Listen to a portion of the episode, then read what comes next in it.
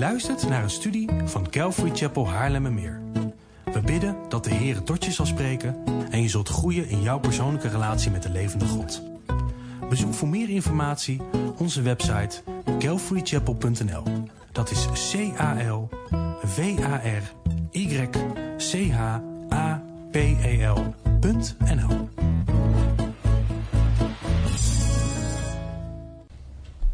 Dankjewel. Um, ik had me nog niet uh, voorgesteld. Mijn naam is Taco Berendschot en ik uh, ben getrouwd met Roos. Die, die is er helaas niet vandaag. Ze herstellende is van een operatie. Um, normaal gesproken onderwijs ik hier de, de kinderen eens in de maand op zondag. Ik ben een zondagschool leraar en daarnaast ook penningmeester hier in de, in de gemeente. En mijn zoon die is er wel, die zit daar achterin uh, verborgen. Mijl, steek je hand even op. ja. ja. Um, ja, we gaan um, de komende drie weken gaan we samen Filemon uh, behandelen. Dus uh, sla jullie Bijbels alstublieft open op Filemon.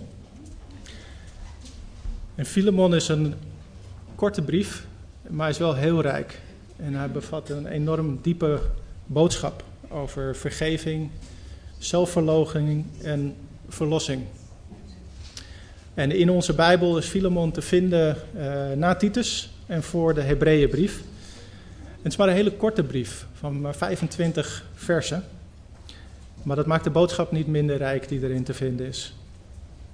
En de brief aan Filemon vertelt een verhaal van een weggelopen slaaf Onesimus. En Onesimus die diende bij Filemon en zijn gezin. Uh, zullen we de komende weken gaan, uh, gaan lezen.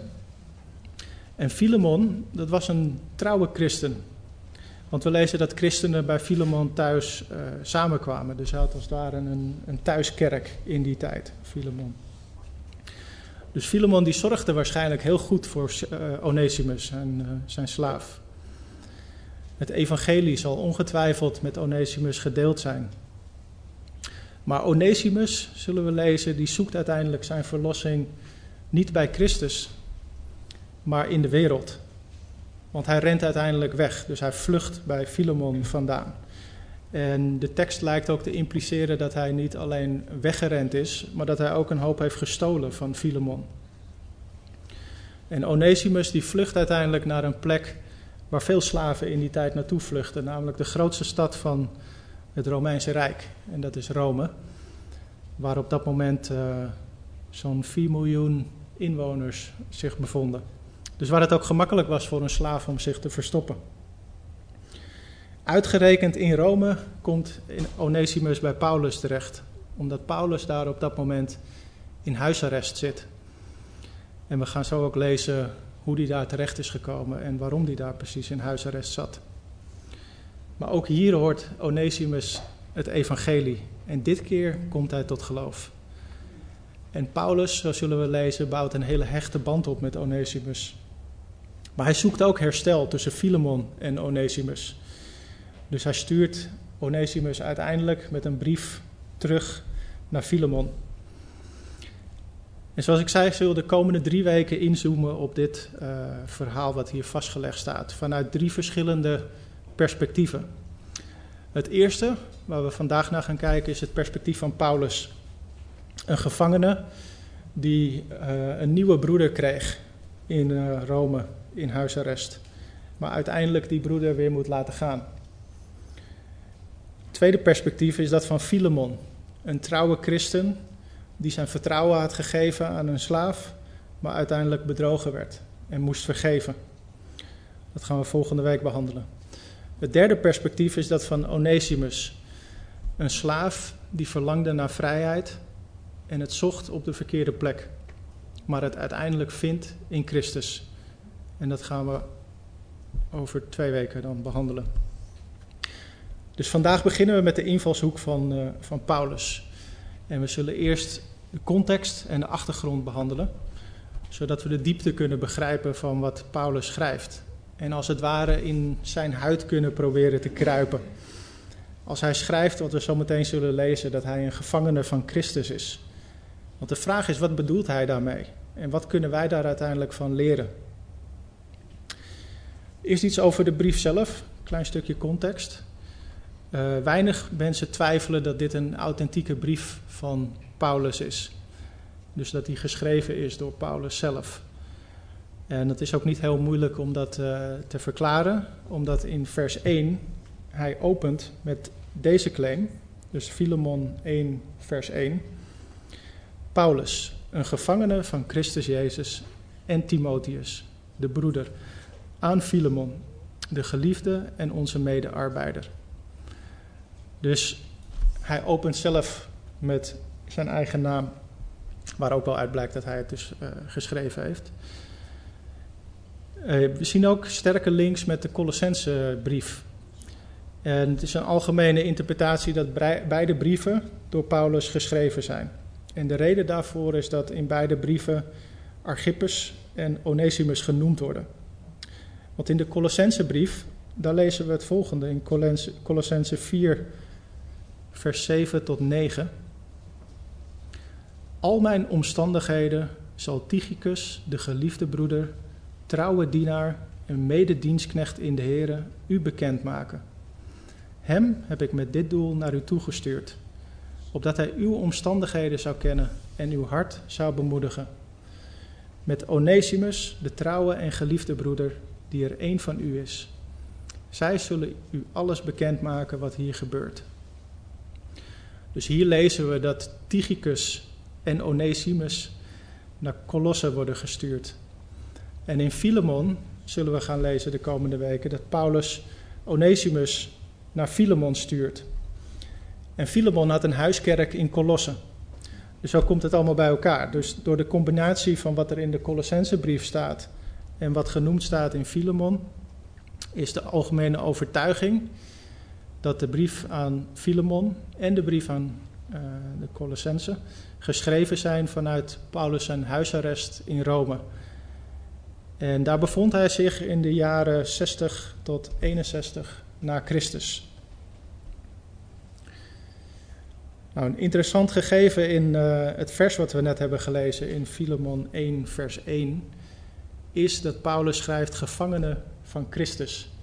Terwijl we nu net hebben gelezen dat uh, Paulus, of uh, hebben gehoord dat Paulus in huisarrest in Rome zat toen hij dit schreef. Dus waarom schrijft hij dan gevangenen van Christus? Om dat goed te begrijpen gaan we kijken uh, hoe Paulus in Rome terecht is gekomen. En gaan we een reis door handelingen heen maken. En daarmee beginnen we in handelingen 20, vers 22 tot 25. En daar gaan we dus zien hoe Paulus uiteindelijk in Rome terecht is gekomen in huisarrest. Handelingen 20, vers 22 tot 25. En nu, zie, ik reis gebonden door de geest naar Jeruzalem. En ik weet niet wat ik daar zal tegenkomen. Behalve dan dat de Heilige Geest van stad tot stad getuigt dat mij boeien en verdrukking te wachten staan. Maar ik maak mij nergens zorgen over. En ook acht ik mijn leven niet kostbaar voor mijzelf, opdat ik mijn loop met blijdschap mag volbrengen. Evenals de bediening die ik van de Heer Jezus ontvangen heb, om te getuigen van het evangelie van Gods genade. En nu, zie, ik weet dat u alle bij wie ik rondgegaan ben en het koninkrijk van God gepredikt heb, mijn gezicht niet meer zult zien. Paulus neemt hier afscheid van uh, de ouderlingen in Efeze, voordat hij naar Jeruzalem vertrekt. En wat we hier lezen is waarom hij naar Jeruzalem vertrekt. En ook wat zijn mindset was op het moment dat hij vertrok. Want er staat dat hij gebonden door de geest gaat. En ik heb gekeken naar wat dat woord gebonden, wat dat dan precies is in de, in de grondtekst. En dat woord is deo, wat betekent vastgeketend, uh, verwoven of inderdaad gebonden. Maar interessant is dat hetzelfde woord gebruikt wordt in Matthäus 27, vers 2, waar Jezus werd voorgeleid aan Pilatus. Dus wat Paulus omschrijft is dat hij werd geleid door de Heilige Geest om naar Jeruzalem te gaan. Op een manier dat hij eigenlijk niet anders kon dan gaan. Uh, de Heilige Geest had Paulus duidelijk gemaakt wat hem te wachten stond, hebben we net gelezen. Uh, boeien en verdrukking. Maar Paulus maakt zich geen zorgen, want hij gaat in geloof. En met de overtuiging dat de ouderlingen in Efeze uiteindelijk zijn gezicht niet meer zullen zien. En hier lezen we dat met veel verdriet de ouderlingen uit Efeze afscheid nemen van Paulus. En dan begint Paulus zijn verdere reis naar Jeruzalem. En als eerste komt hij vervolgens in Caesarea aan. En daar gaat hij langs bij Filippus, de evangelist. En in Handelingen 21, vers 10 tot 14, lezen we dan dat daar een profeet langskomt. Die profeteert en spreekt tot, uh, tot Paulus. Dus Handelingen 21, vers 10 tot 14. En toen wij daar vele dagen bleven, kwam er een zekere profeet uit Judea, van wie de naam Agabus was. En hij kwam naar ons toe, pakte de gordel van Paulus, en nadat hij zijn eigen handen en voeten daarmee gebonden had, zei hij: Dit zegt de Heilige Geest. De man van wie deze gordel is, zullen de Joden op deze manier in Jeruzalem binden en in de handen van de heidenen overleveren. Toen wij dit hoorden, smeekten zowel wij als de mensen van die plaats dat hij niet naar Jeruzalem zou gaan. Maar Paulus antwoordde: Wat doet u nu dat u huilt en mijn hart week maakt? Want ik ben bereid niet alleen gebonden te worden, maar ook te sterven in Jeruzalem voor de naam van de Heer Jezus. En toen hij zich niet liet overtuigen, deden wij er het zwijgen toe en zeiden: Laat de wil van de Heere geschieden. Dus hier bevestigt de Heilige Geest door de profeet Agabus weer wat Paulus te wachten staat. En je ziet hier ook het effect, wat denk ik een heel menselijk effect is, dat ze vragen aan Paulus om hem niet te gaan. Want het lijkt ook wel een soort waarschuwing die hier afgegeven wordt. En dat het beter zou zijn als Paulus niet zou gaan. Maar we zien dat het Paulus raakt en dat hij zich geen zorgen wil maken om anderen, maar ook dat hij al besloten had dat hij zou gaan waar hij heen geleid werd en dat hij bereid was om te sterven in Jeruzalem. Maar ik vraag me dan af, als ik dit lees, waarom zou dit gebeuren? Het lijkt bijna alsof de Heilige Geest meerdere malen een soort keuze biedt aan Paulus. Hij laat zien wat er gaat gebeuren. En het lijkt wel alsof de Heilige Geest Paulus vraagt: wil je dit echt? Ben je echt bereid om te gaan? En ik denk dat het ons laat zien dat het uiteindelijk vrije wil blijft. God geeft ons dingen waardoor we geloofstappen kunnen nemen, waardoor we kunnen groeien in vertrouwen. Maar God is ook zo geduldig met ons dat Hij ons niet zal dwingen om stappen te nemen die we niet durven te nemen. Maar Paulus heeft deze stap wel genomen. En het verhaal gaat verder in Handelingen 21, vers 27 tot 28, waar Paulus uiteindelijk in Jeruzalem is aangekomen. En daar lezen we: Toen de zeven dagen ten einde liepen, zagen de Joden uit Azië hem in de tempel en brachten heel de menigte in verwarring. Zij sloegen de handen aan hem en schreeuwden: Mannen van Israël, kom helpen. Dit is de man die overal iedereen onderwijs geeft dat indruist tegen het volk, tegen de wet en tegen deze plaats. Bovendien heeft hij ook nog Grieken in de tempel gebracht en deze heilige plaats ontheiligd. Dus hier eenmaal in Jeruzalem aangekomen zien we dat de aanklacht tegen Paulus al gelijk begint en de vervolging. En als we verder lezen, nou, we gaan niet alles helemaal doornemen natuurlijk, maar Ehm, als je daar verder leest, dan zie je dat ze uiteindelijk ook Paulus proberen te doden.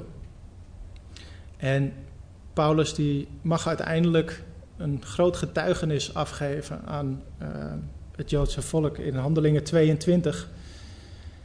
En ik kan me voorstellen, door de roeping die we net hebben gelezen, waardoor Paulus wist dat hij naar Jeruzalem moest gaan, gebonden door de geest, dat Paulus een soort verwachting had. Dat hij grootse dingen verwachtte dat die zouden gebeuren in Jeruzalem. En misschien verwachtte hij wel dat eindelijk zijn geliefde volk tot inkeer zou komen. En was hij meer dan bereid om zijn leven te geven voor zijn volk. Maar dat gebeurt uiteindelijk niet.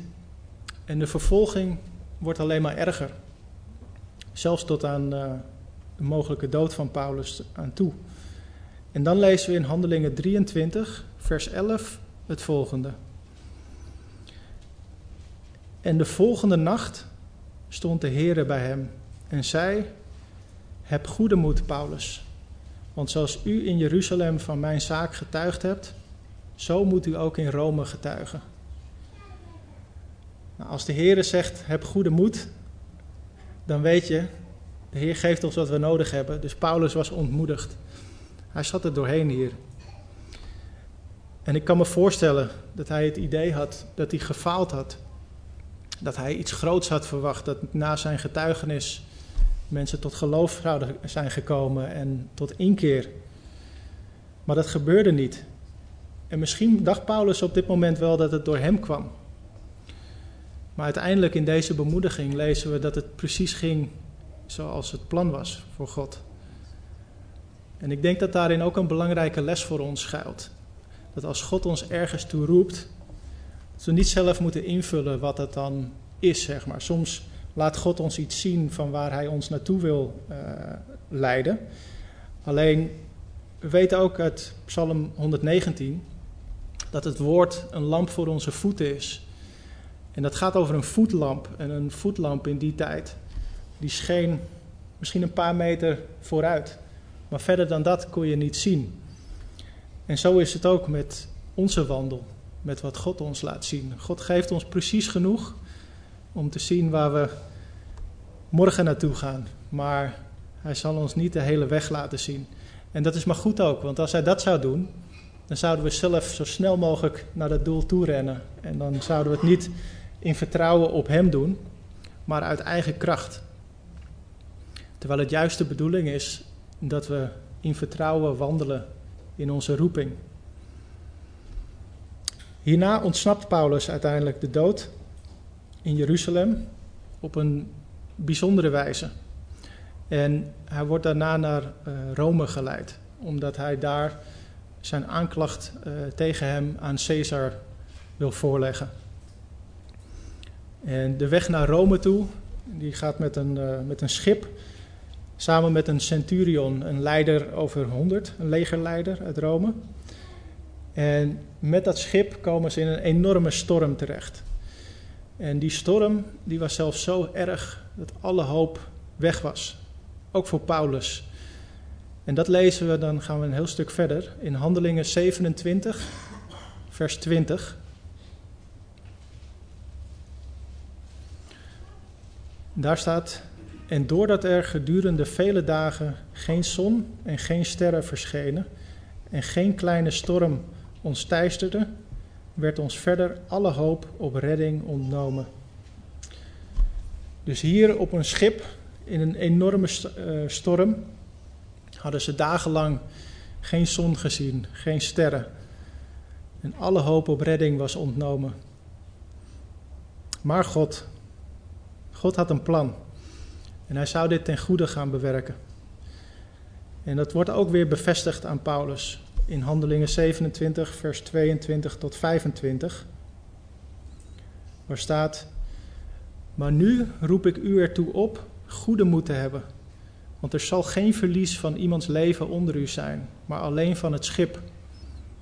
Want deze nacht stond er bij mij een engel van God, van wie ik ben en die ik ook dien, die zei: Wees niet bevreesd, Paulus. U moet voor de keizer terechtstaan. En zie, God heeft u alle die met u varen geschonken. Heb daarom goede moed, mannen, want ik geloof, God, dat het zo zal zijn als het mij gezegd is. Dus hier spreekt Paulus tegen onder andere de, de centurion en de Romeinse soldaten die vrees hadden op, op dat schip. En om dezelfde reden als wat we net hebben behandeld, zie je ook hier weer dat die engel tegen Paulus zegt: Wees niet bevreesd. Dus ook Paulus was bevreesd. Ondanks dat hij al wist dat God hem geroepen had om naar Rome te gaan. maakte dat het niet minder eng. En hoe fijn dat hij toch hier die bemoediging krijgt en de bevestiging van God. En dit is natuurlijk een enorm getuigenis geweest. Voor de centurion, maar ook voor alle soldaten op dat schip. Want het ging uiteindelijk natuurlijk precies zoals de engel uh, voorzegd had. Dagenlang hebben ze doorgebracht in het donker. Ik kan me voorstellen dat ze zeeziek waren. Misschien was het wel koud. Ik kan me voorstellen dat het enige dat ze zich konden afvragen zou zijn: hoe lang nog gaan we dit overleven?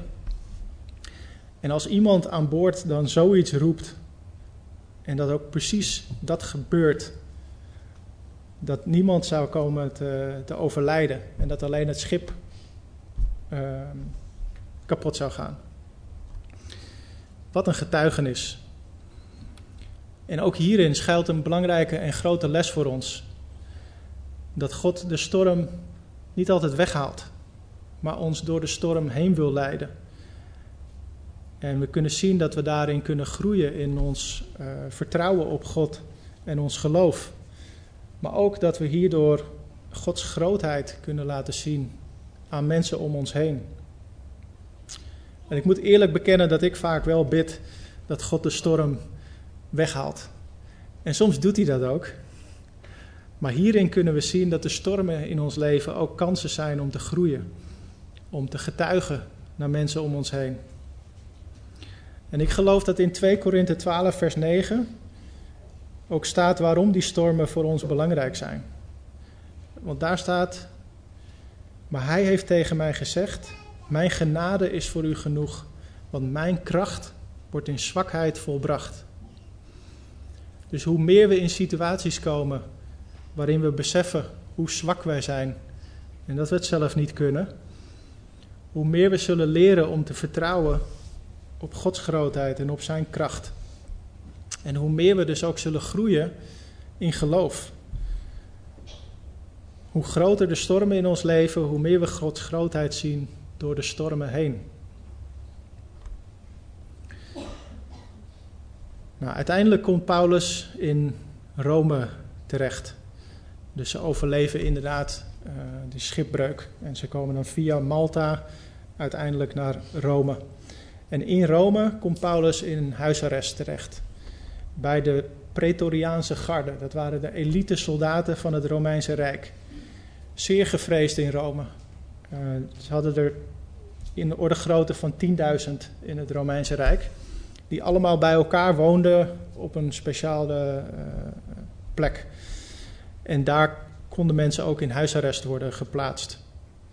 En die elite soldaten die kregen eh, dubbele salaris van een normale Romeinse eh, soldaat.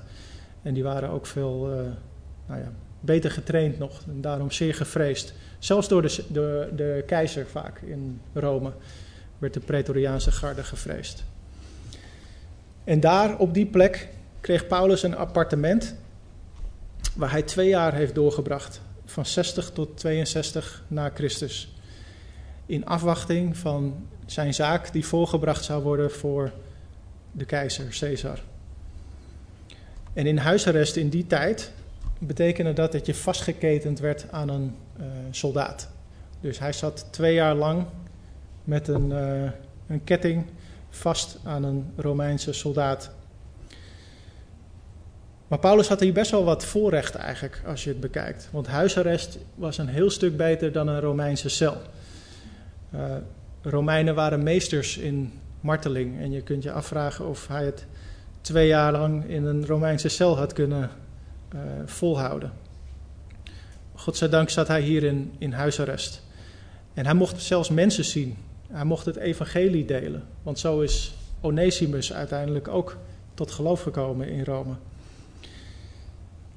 En er staat niet precies waarom Paulus dit voorrecht had gekregen. Maar ik kan me voorstellen dat de centurion van het schip hier een belangrijke rol in heeft gespeeld. Want die heeft natuurlijk hele grote dingen zien gebeuren. En misschien is die zelfs wel tot geloof gekomen. We lezen het niet, maar het zou kunnen. Nou goed, ik kan me uh, voorstellen dat jullie afvragen van oké, waarom behandelen we dit allemaal? We gingen toch Filemon behandelen? en dat klopt. Maar dit doen we om uh, de context goed te schetsen en zodat we kunnen begrijpen waarom Paulus schrijft dat hij een gevangene van Christus is. Want Paulus wist waarom hij gevangen zat. En hij was dus geen gevangene van Rome.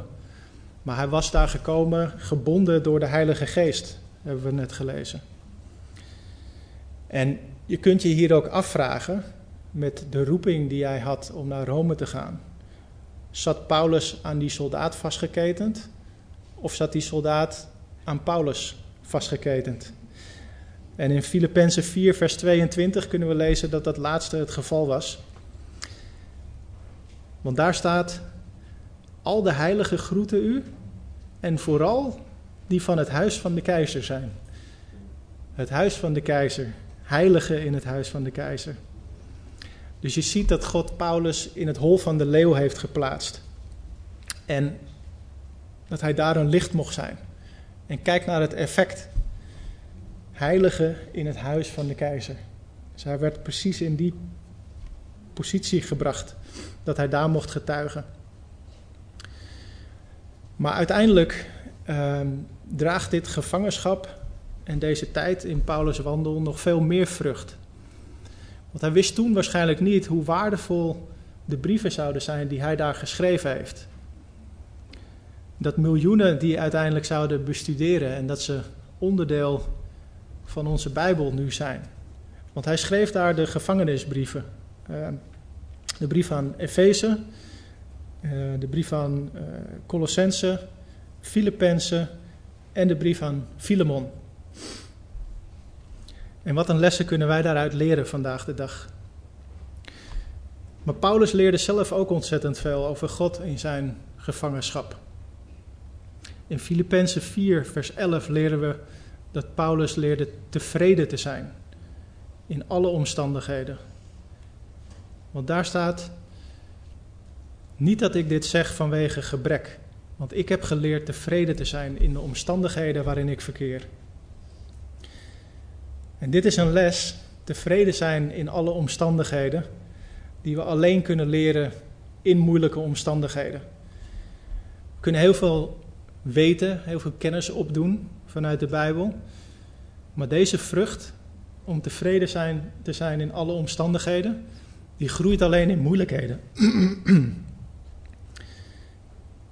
en in Filippenzen 2, vers 14 en 15 lezen we nog een les die Paulus uh, leerde waarin hij gegroeid is, geloof ik.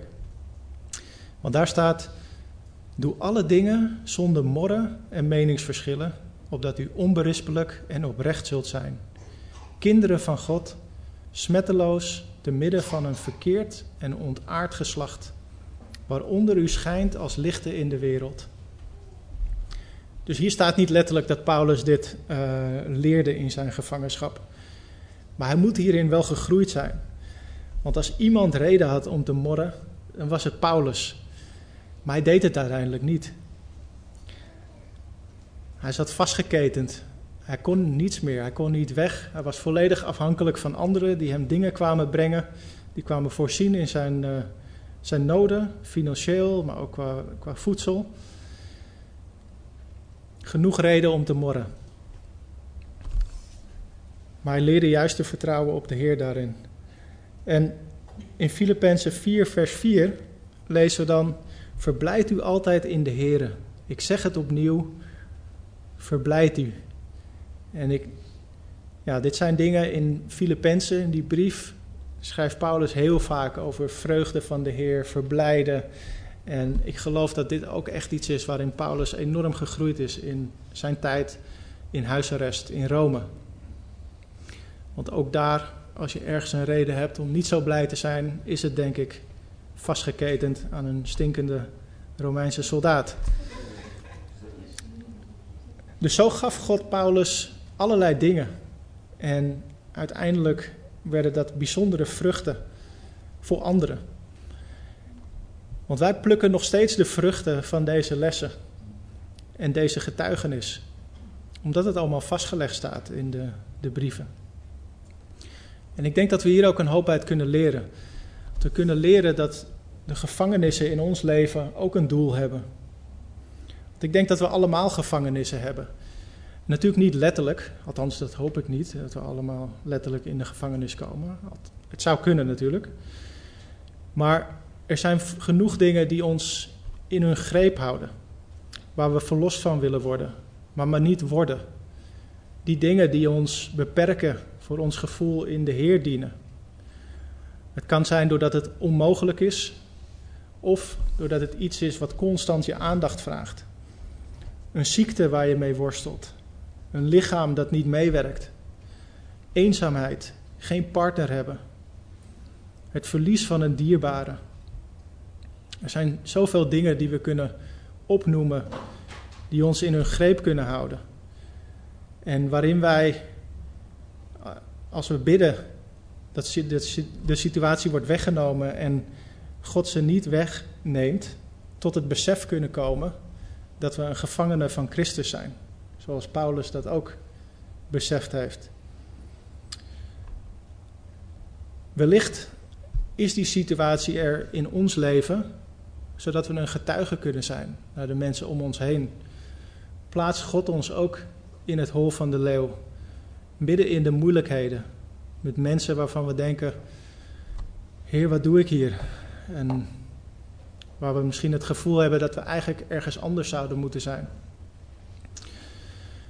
Of misschien leert de situatie waarin we ons bevinden ons meer te vertrouwen op de Heer. Het is niet verkeerd om te bidden dat God een situatie wegneemt. Maar ik denk dat we hieruit kunnen leren dat het ook kan zijn dat die situatie een doel heeft. En dat God een plan heeft met de situatie waarin we ons bevinden. En dat we mogen leren om te vertrouwen dat Gods wegen echt veel hoger zijn dan onze wegen. Het doel kan voor anderen zijn. Het doel kan in de toekomst liggen. Misschien zullen wij wel helemaal zelf nooit meemaken wat het doel is geweest van de situatie waar we doorheen zijn gegaan. Zoals Paulus niet wist dat wij vandaag de dag zijn brieven allemaal zouden behandelen. Kan ook een verandering in ons hart zijn, wat de reden is dat we door situaties heen gaan. Jaren geleden riep God mij om een bedrijf te starten. En het is best wel op een bijzondere manier gegaan. Maar God leidde het en het ging allemaal vanzelf. En daardoorheen ben ik uiteindelijk naar Indonesië geleid, naar India, zendingsreizen mogen maken, mogen spreken in ondergrondse gemeenten in, in India. En er zijn hele bijzondere getuigenissen. En ik heb God zo mogen zien werken in die tijd. Maar toen ineens, zo'n twee jaar geleden, misschien iets meer, nam alles ineens een hele andere wending. Allerlei deuren gingen dicht. We kregen het financieel moeilijk. Ik heb mensen moeten laten gaan. Ik kon niet meer reizen door de coronacrisis. En het voelde voor mij heel erg alsof ik op de bank was gezet. En in eerste instantie dacht ik dat ik iets fout had gedaan, dat ik een verkeerde afslag had genomen, dat dat de reden was waardoor dit allemaal zo gebeurde. En het is uiteindelijk een strijd van meer dan twee jaar geweest om te zoeken naar Gods leiding. En ik heb echt wel daarin momenten gehad dat ik dacht van ja, ik kan straks niet meer voorzien voor mijn gezin. Bedrijf kapot, alles weg. En ik dacht, maar God, u heeft me toch geroepen hiertoe, waarom gebeurt dit alles dan? Maar God bleef constant voorzien op hele bijzondere wijze. En op dit moment lijkt de tijd nu te keren. Althans, dat, dat hoop ik. Maar ik zie ook nu veel meer hoe ik hier doorheen gegroeid ben in afhankelijkheid van God. Ik heb, ik heb geleerd om te volharden, om vast te houden aan de roeping, om niet te twijfelen, maar te blijven vertrouwen dat God uiteindelijk alles ten goede bewerkt. En ik besef nu dat dit uiteindelijk onderdeel was van een les aan de school van het leven. Het had nooit te maken met mijn eigen handelen, maar het was uiteindelijk voor groei. En zo denk ik dat Paulus zichzelf ook ziet als gevangene van Christus. Ongeacht zijn omstandigheden vertrouwt hij, God zit op zijn troon. God is in control. Maar nog een laatste les zien we dan terug in de brief aan Filemon. Want in de brief aan Filemon schrijft Paulus wel vijf keer over zijn ketenen. Het is echt geen pretje geweest voor Paulus. Ketenen beperken enorm. En ze waren een object van schaamte ook in die tijd. Maar Paulus wist, zoals we nu gelezen hebben, dat hij daar met een doel zat. Maar toch zal hij vaak eenzaam zijn geweest. Hij was volledig afhankelijk, wat ik net ook noemde, van anderen. In huisarrest moesten mensen voor zichzelf voorzien. Voor huur en ook voor middelen. Dus Paulus kon zelf nergens heen, dus mensen moesten constant naar hem toe komen. En het lijkt er ook wel op dat hij niet constant alleen was in Rome. Er zijn goede redenen om te geloven dat Lucas daar bij hem was. Aristarchus, Timotheus en ook nog andere namen worden genoemd. Maar die zullen niet constant bij Paulus daar zijn geweest. Sommigen kwamen bijvoorbeeld geld brengen, kunnen we in de Filippense brief lezen. Maar er werden ook weer mensen uitgezonden vanuit Rome naar andere plekken toe. En in huisarrest in Rome ontmoet Paulus uiteindelijk Onesimus, de weggelopen slaaf van Filemon. En dan lezen we in Filemon 1, vers 10 tot 13. Ik doe een beroep op u ten behoeve van mijn zoon, die ik heb voortgebracht toen ik in boeien geslagen was, namelijk Onesimus. Hij was voorheen voor u van geen nut, maar nu is hij voor u en voor mij van veel nut. Ik heb hem teruggestuurd. Neem dan hem met wie ik innig verbonden ben weer aan. Ik had hem wel bij mij, bij mij willen houden, opdat hij mij, die in de boeien zit, ter wille van het evangelie, namens u zou dienen. Het verhaal van Onesimus gaan we over twee weken behandelen. Dus vanuit zijn perspectief. Maar we zien hier dat de weggelopen slaaf van Filemon bij Paulus terecht is gekomen in Rome. En het mooie is dat Onesimus bij Paulus kennelijk wel tot wedergeboorte is gekomen. En hier lezen we dat hij een geestelijke zoon van Paulus is geworden. En Paulus schrijft dat hij innig verbonden was met Onesimus. Dus kennelijk diende Onesimus Paulus, um, lezen we hier ook. En Paulus maakt het punt dat Filemon Paulus zou kunnen dienen door Onesimus daar te laten.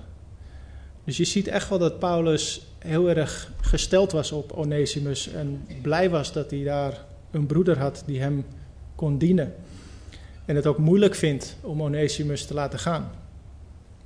Maar ondanks wat Paulus zelf wist of wilde, wist hij dat hij Onesimus moest laten gaan. Want de wet in die tijd eiste dat een slaaf teruggegeven moest worden aan zijn eigenaar.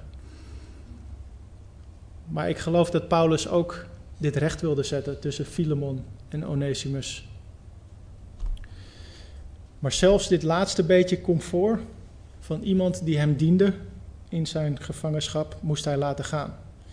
Om ook dat over te geven aan Christus.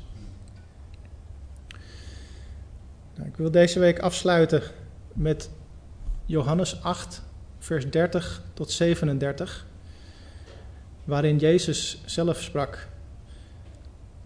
En daar staat, toen hij deze dingen sprak, geloofden velen in hem. Jezus dan zei tegen de Joden die in hem geloofden, als u in mijn woord blijft, bent u werkelijk mijn discipelen. En u zult de waarheid kennen en de waarheid zal u vrijmaken. Zij antwoordden hem, wij zijn Abrahams nageslacht en we zijn nooit slaaf van iemand geweest. Hoe kunt u dan zeggen, u zult vrij worden? Jezus antwoordde hun, voorwaar, voorwaar, ik zeg u, ieder die de zonde doet is een slaaf van de zonde. En de slaaf blijft niet eeuwig in het huis, de zoon blijft er eeuwig. Als dan de zoon u vrijgemaakt heeft, zult u werkelijk vrij zijn. Wij zijn allemaal slaaf van iets, van de zonde of van de Heer. En ware vrijheid, vrijheid ondanks onze omstandigheden op aarde, ondanks de moeilijkheden waar we doorheen gaan, is alleen te vinden in Christus. We kunnen leren uit het getuigenis van Paulus dat God getrouw is. Als wij bereid zijn, dan vangt Hij ons echt op. Ik heb nog nooit iemand horen zeggen, misschien jullie wel, maar had ik die stap in geloof maar niet genomen. Ik ging, maar God heeft me laten vallen. En zo is het ook bij Paulus niet gegaan. Onze gevangenissen, hoe moeilijk ook, kunnen een doel hebben. Probeer het met perspectief te bekijken. Dus als het niet wordt weggenomen, misschien zit je in die situatie voor een ander. Misschien kun je erin groeien. In hoe je de Heer ziet, in ontzag voor de Heer. En kan Hij jou zijn kracht laten zien, zijn grootheid. En misschien heb je straks door jouw leed er wel een geestelijke zoon of dochter bij. Zoals Paulus dat met Onesimus had. Misschien groeit er een enorme vrucht door jouw gevangenis. Een vrucht die alleen in moeilijkheden groeit. In onze gevangenissen kunnen we allemaal leren dat wij gevangenen van Christus zijn. We zijn niet gevangen, maar we zijn vrij in Christus. Waar we ook doorheen gaan. En ik bid dat we hier allemaal zullen kunnen zeggen: Taco, gevangene van Christus. Kasper, gevangene van Christus. Vul je naam maar in, gevangene van Christus. We zijn geen gevangenen van de situatie waarin we ons bevinden. En we mogen leren wat in Galaten 2, vers 20 staat. Ik ben met Christus gekruisigd. En niet meer ik leef, maar Christus leeft in mij. En voor zover ik nu in het vlees leef, leef ik door het geloof in de Zoon van God, die mij heeft liefgehad en zichzelf voor mij heeft overgegeven. Laten we bidden. Ja, lieve Vader in de hemel, dank u voor de vrijheid die in u is, Heer. Dank u dat waar we ook doorheen gaan, Heer, dat u bij ons bent, Heer. Dat u ons verlost heeft en dat we ons aan u vast kunnen houden, Heer. Dank u dat u onze rots bent, Heer. Dank u dat we hier op aarde steeds meer van uw grootheid mogen gaan zien, Heer. En mogen groeien in onze relatie met u. En ik bid voor ons allemaal dat wij stappen in geloof mogen nemen, Heer. Dat we niet zullen vrezen, maar zullen vertrouwen op u en die stappen ook echt zullen nemen, Heer. Om niet in onze comfortzone te blijven. Niet te vast te houden aan eigen gebruiken of wat we zelf willen of denken dat goed is. Maar uit te stappen in geloof, Heer. En Heer, geef ons alstublieft vrijmoedigheid, Heer, om uit te reiken naar de mensen om ons heen. En om de dingen te doen die U voor ons heeft, Heer. Om de stormen te trotseren. En Heer, geef ons ook ogen om te zien wat U ziet, Heer. Dat de gevangenissen in ons leven, dat we zullen zien dat, die er, dat, we vrij zijn in U, Heer. En dat we daarin kunnen leren van U en kunnen groeien in onze relatie met U. En Heer, laat ons ook zien, alstublieft, wat uw roeping voor ons is, Heer wat u wil dat wij doen. En laat ons zien wat de strijd is die gaande is om ons heen, Heer. Geef ons alstublieft uw hart voor de verlorenen om ons heen en voor onze broeders en zusters, Heer. Help ons om alles op waarde te schatten, Heer, en om te zien wat een voorrecht het is dat wij elkaar hebben, Heer. Als ik denk aan Paulus, die dan in eenzaamheid vastzat die zo blij was dat Onesimus daar was en hem moest laten gaan. Dan denk ik, wat een voorrecht dat wij hier in vrijheid kunnen samenkomen iedere week, Heer. En geef ons ook die overtuiging, Heer, en help ons om echt één lichaam te zijn, Heer, en ten volste te doen wat U voor ons heeft, Heer. Heer, we danken en we prijzen U alleen. In Jezus' naam. Amen.